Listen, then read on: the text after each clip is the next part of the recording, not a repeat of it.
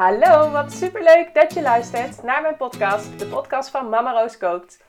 In deze podcast neem ik je mee in de wereld van babyvoeding en leer jij hoe jij je peuter weer gezond laat eten. Zo weet jij hoe jij je kindje de beste start kan geven en kunnen jullie als gezin genieten van gezellige etentjes samen. Mijn persoonlijke verhalen als mama van drie meiden, maar ook mijn achtergrond in psychologie, voeding en onderwijs hoor je terug in de verhalen van deze podcast. Veel plezier met luisteren!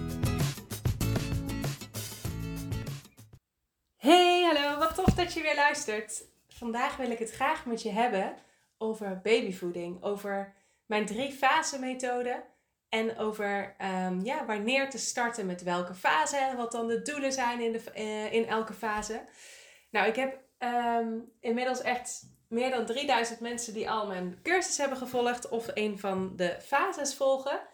En nou, het is echt zo tof om, uh, om te horen ook wat voor reacties ik daar weer op krijg. Uh, mensen zijn zo blij dat uh, ze niet meer hoeven na te denken en dat een kindje gewoon echt gezond leert eten. Um, en het gemak dat je s'avonds zo weinig tijd kwijt bent.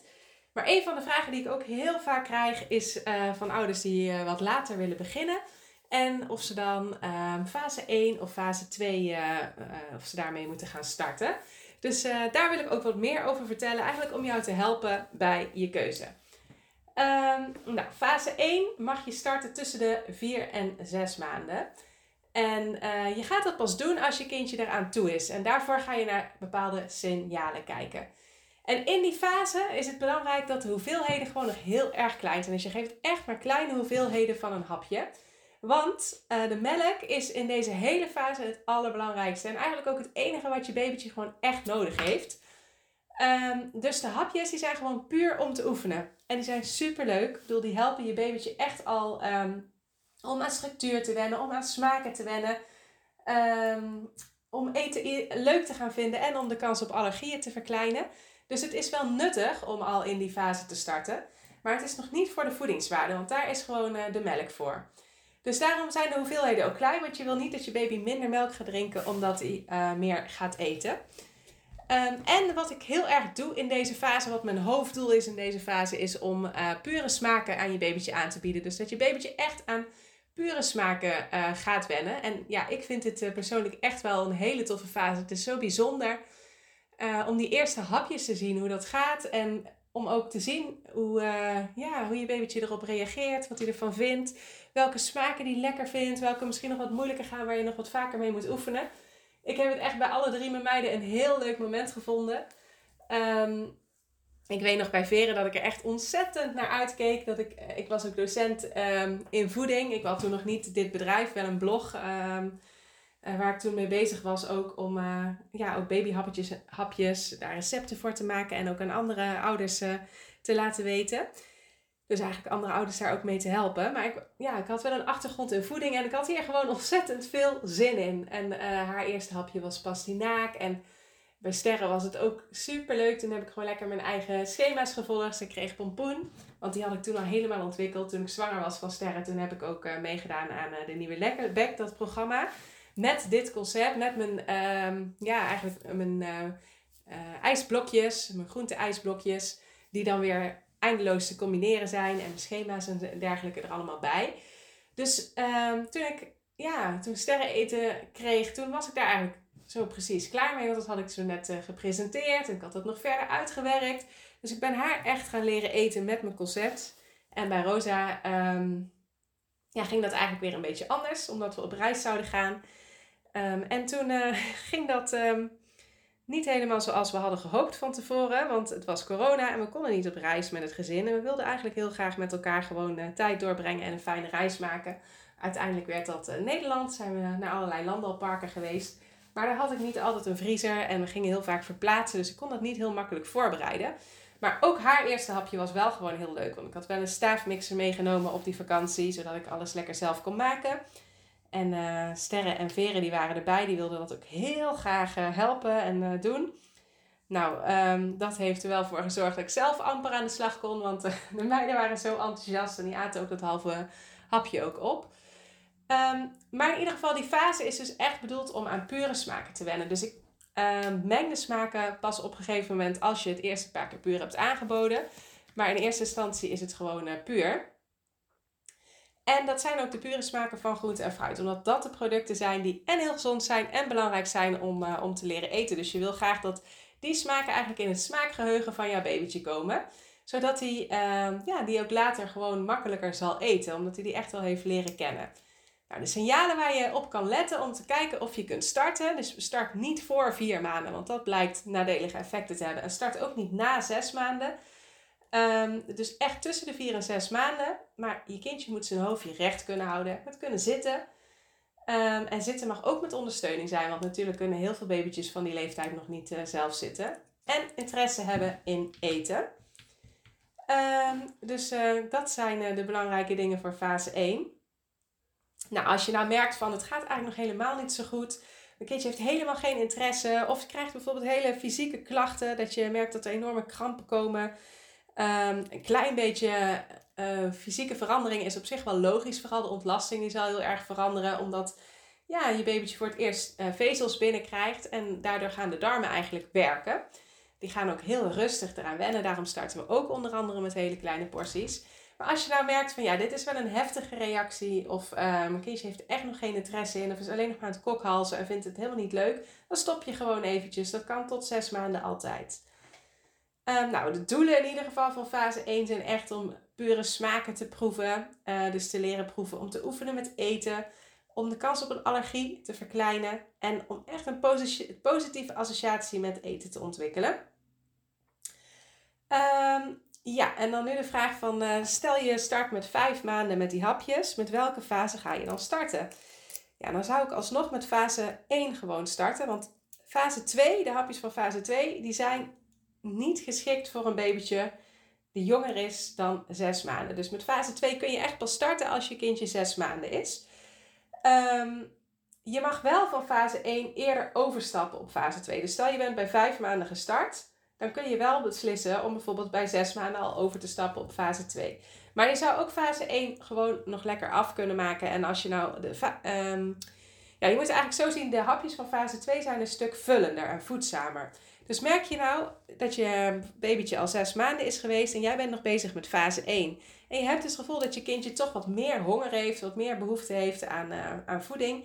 Dan stap je over op fase 2. Als je fase 1 wil afmaken en je bent later begonnen, dat is ook helemaal prima. Alleen je mag de hoeveelheden vanaf 6 maanden dan wel wat groter maken. Want vanaf 6 maanden um, mag er wel minder melk gedronken gaan worden, rustig aan. En juist meer hapjes gegeten gaan worden. Maar tot 6 maanden dus niet. Maar is je kindje al 6 maanden geweest en je bent nog bezig met fase 1, dan mogen die hoeveelheden dus groter. Dus kijk dan naar de signalen die jouw babytje geeft om te bepalen of je nog meer geeft of dat je stopt. Um, Stap je eerder over op fase 2, zorg dan wel dat alle smaken, alle groentesmaken en fruitsmaken die je dan nieuw aanbiedt, die uh, je bijvoorbeeld in een gemengd hapje ziet zitten, dat je die ook nog even puur aanbiedt. En dat kan gewoon doordat je uh, bijvoorbeeld twee voedingspakjes opwarmt met uh, in eentje een pure groente. Nou, laten we even zeggen ehm, pure sperzieboon. En in het andere bakje heb je de andere dingen die je daarbij zou doen. Dus heb je bijvoorbeeld aardappel in zitten en wortel. Um, en kikkererwten. Ik noem maar even wat. Nou, die sperzieboon heb je los opgewarmd. Daar geef je een paar hapjes puur van. En daarna roer je de sperzieboon door de rest heen. Maar dan heeft je kindje dus wel ook even nog de kans gehad om de nieuwe groente weer puur te proeven. Zodat hij daar ook uh, aan wendt. Um, ja, dat zou ik dan uh, zeker doen. Maar op een gegeven moment zie je in fase 2 of in fase 1 ook dat de smaken gemengd gaan worden. Dus je kunt ook beslissen om op het moment dat die uh, smaken gemengd gaan worden, om dan over te stappen. En dan heb je toch al die dingen puur aangeboden. Um, ja, en dan um, even kijken. Als je nou besluit om pas met zes maanden te starten, dan mag je gewoon meteen met fase 2 starten. Maar dan kun je nog wel dus ook die smaken puur aanbieden zoals ik dat uh, net heb gezegd. Zodat je kindje ook gewoon aan die pure smaken nog leert wennen. En daarnaast ik ga ervan uit als je met fase 2 start dat je fase 1 hebt gevolgd. Maar als dat niet zo is, dan ga je dus ook voor het allereerst allergenen geven. En dan moet je nog even kijken hoe je dat de eerste keer introduceert. Want dan moet je het namelijk op drie op één volgende dagen gaan doen. Um, en zo staat het niet in het schema, omdat het staat wel in schema 1. Maar ik ga er dus vanuit dat je dat in schema 1 hebt gedaan. Heb je dat niet gedaan, dan um, doe je dat in fase 2. Maar dan moet je dus wel die drie op één volgende dagen doen. Maar dat staat precies uitgelegd hoe je dat dan aanpakt. Ehm, nou, let op de signalen van je baby om die hoeveelheid te bepalen. Dus je hoeft nooit te pushen. Het bakje hoeft niet leeg. Ehm, ja, je kijkt gewoon van uh, waar heeft hij behoefte aan. Elke baby is echt heel anders. De een beweegt al heel veel. De ander ligt gewoon nog heel veel. De een zit in een goede spurt, de ander niet. Ehm, elke baby heeft echt een andere voedingsbehoefte. De een die drinkt nog veel meer melk en de ander die eet al veel meer hapjes. Um, dus dat is echt, uh, echt anders per, uh, ja, per baby. Dus dat kan ook als je al een ouder kindje hebt en dan denk je van nou, wat eet deze weinig? Vorige had toch al veel meer? Ja, dat kan gewoon. Nou, in de fase 2 ga je echt nieuwe smaken, nieuwe producten introduceren. Worden de hapjes een stuk complexer. Um, je gaat ook nieuwe structuren geven. Dus waar je eerst echt alles helemaal glad moest maken, mag je het nu mag je het uh, wat meer uh, met een vork gaan prakken bijvoorbeeld. Of op een gegeven moment ook stukjes er doorheen roeren. Leg ik allemaal uit. Um, en voeding is nu ook voor de voedingswaarde. Dus vooral voor ijzer. Want ijzervoorraad, ehm, ja, daar kan je kindje ongeveer uh, een half jaar mee doen. Dat is tijdens de zwangerschap aangelegd. Nou, en na een half jaar krijgt hij weer behoefte aan externe ijzer. Dus een ijzer via de voeding.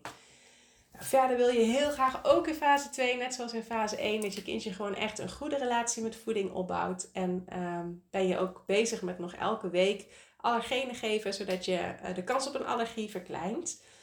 Um, ja, dus dat is eigenlijk, uh, zijn de belangrijkste dingen. Daarna volgt nog fase 3. Uh, maar dat is echt al richting met de pot mee. Dan zijn de porties een stuk groter. Dan ken je het hele principe van die ijsblokjes. Dus dan mag je zelf wat meer gaan combineren. Um, daar heb ik ook een heel leuk receptenboek van. Het zelf combineren receptenboek. Van welke smaken dan allemaal lekker zijn en in welke verhouding. Je gaat ook minder gepureerde hapjes geven, maar steeds meer stukjes. Dus je kindje gaat echt uh, meer met jullie mee eten. En ook daar heb ik weer een hele toffe cursus van gemaakt. Um, waarin je en ja, te weten krijgt van hoe je veilig stukjes introduceert. Maar ook een receptenboek, zodat um, ja, eigenlijk het hele gezin mee kan eten. Dus zowel de baby als de ouders. En voor de baby's snij je dingen alleen net wat anders. En dat is dan ook weer afhankelijk van hoe oud het babytje is, hoe je dingetjes, uh, hoe je dingetjes snijdt. En in fase 3 komen nog veel meer smaakmakers. Is het ook fijn als je samen aan tafel gaat en hetzelfde eet, zodat je kindje dat ook echt bij jullie ziet, want daar leert hij ook heel veel van. En je hebt echt steeds meer een vaste structuur in de dag. Dat heb je in fase 2 waarschijnlijk ook al redelijk, of dan bouw je daar in ieder geval naartoe. In fase 3 uh, zul je zien dat er echt dan een flinke vaste structuur is. En uh, ja, als ik dan nog even naar de doelen van fase 3 kijk, dan is het ook weer die goede relatie opbouwen. Dus zorg ervoor dat het gezellig is aan tafel, dat het ontspannen is, dat je geen haast hebt, dat je uh, niet gaat pushen dat een bakje leeg hoeft bijvoorbeeld. Laat je kindje ook steeds meer zelf doen, geef het autonomie. En laat die smaken gewoon nog steeds herhaald voorbij komen. En ook hier uh, geldt weer dat, dat je die allergenen aan blijft bieden, zodat je de kansen op een allergie verkleint. Um, ja, dat waren eigenlijk de belangrijkste dingen die ik over de fases uh, wil delen. Dus ja, ik krijg gewoon heel vaak de vraag, vooral met die fase 1 en 2, van waar start ik nou mee en wanneer moet ik dan overstappen? Nou, ik hoop dat ik je daar heel erg mee heb kunnen helpen, ook in deze podcast. Um, ja, uh, ik vind het ook altijd super, super leuk om van je te horen. Je mag me altijd een berichtje sturen. Op Instagram vind ik echt heel tof om te zien hoe jij bijvoorbeeld bezig bent met uh, de hapjes maken of met je baby gezond leren eten. Hoe je baby een hapje eet. Vind ik echt allemaal fantastisch. Je mag ook vragen delen, dingen waar je tegenaan loopt, jouw struggles. Ik denk super graag met je mee um, voor een oplossing. Maar in ieder geval, uh, dit is dus uh, even heel, heel, heel erg in het kort, zonder de echte praktische tips. Is dit mijn drie fase methode van het eerste jaar. Maar um, in mijn cursus en ook in de, ja, de fases die ik ook los aanbied, krijg je natuurlijk gewoon echt precies uh, al het praktische wat daar dan ook nog helemaal bij hoort. En nog veel meer uitleg. Maar ik hoop dat dit je in ieder geval helpt om keuze te maken wanneer je over moet stappen en uh, welke fase op dit moment uh, bij jou en bij je babytje past. Nou, heel tof dat je weer hebt geluisterd en een hele fijne dag vandaag en geniet van je kleintje. Doei doei!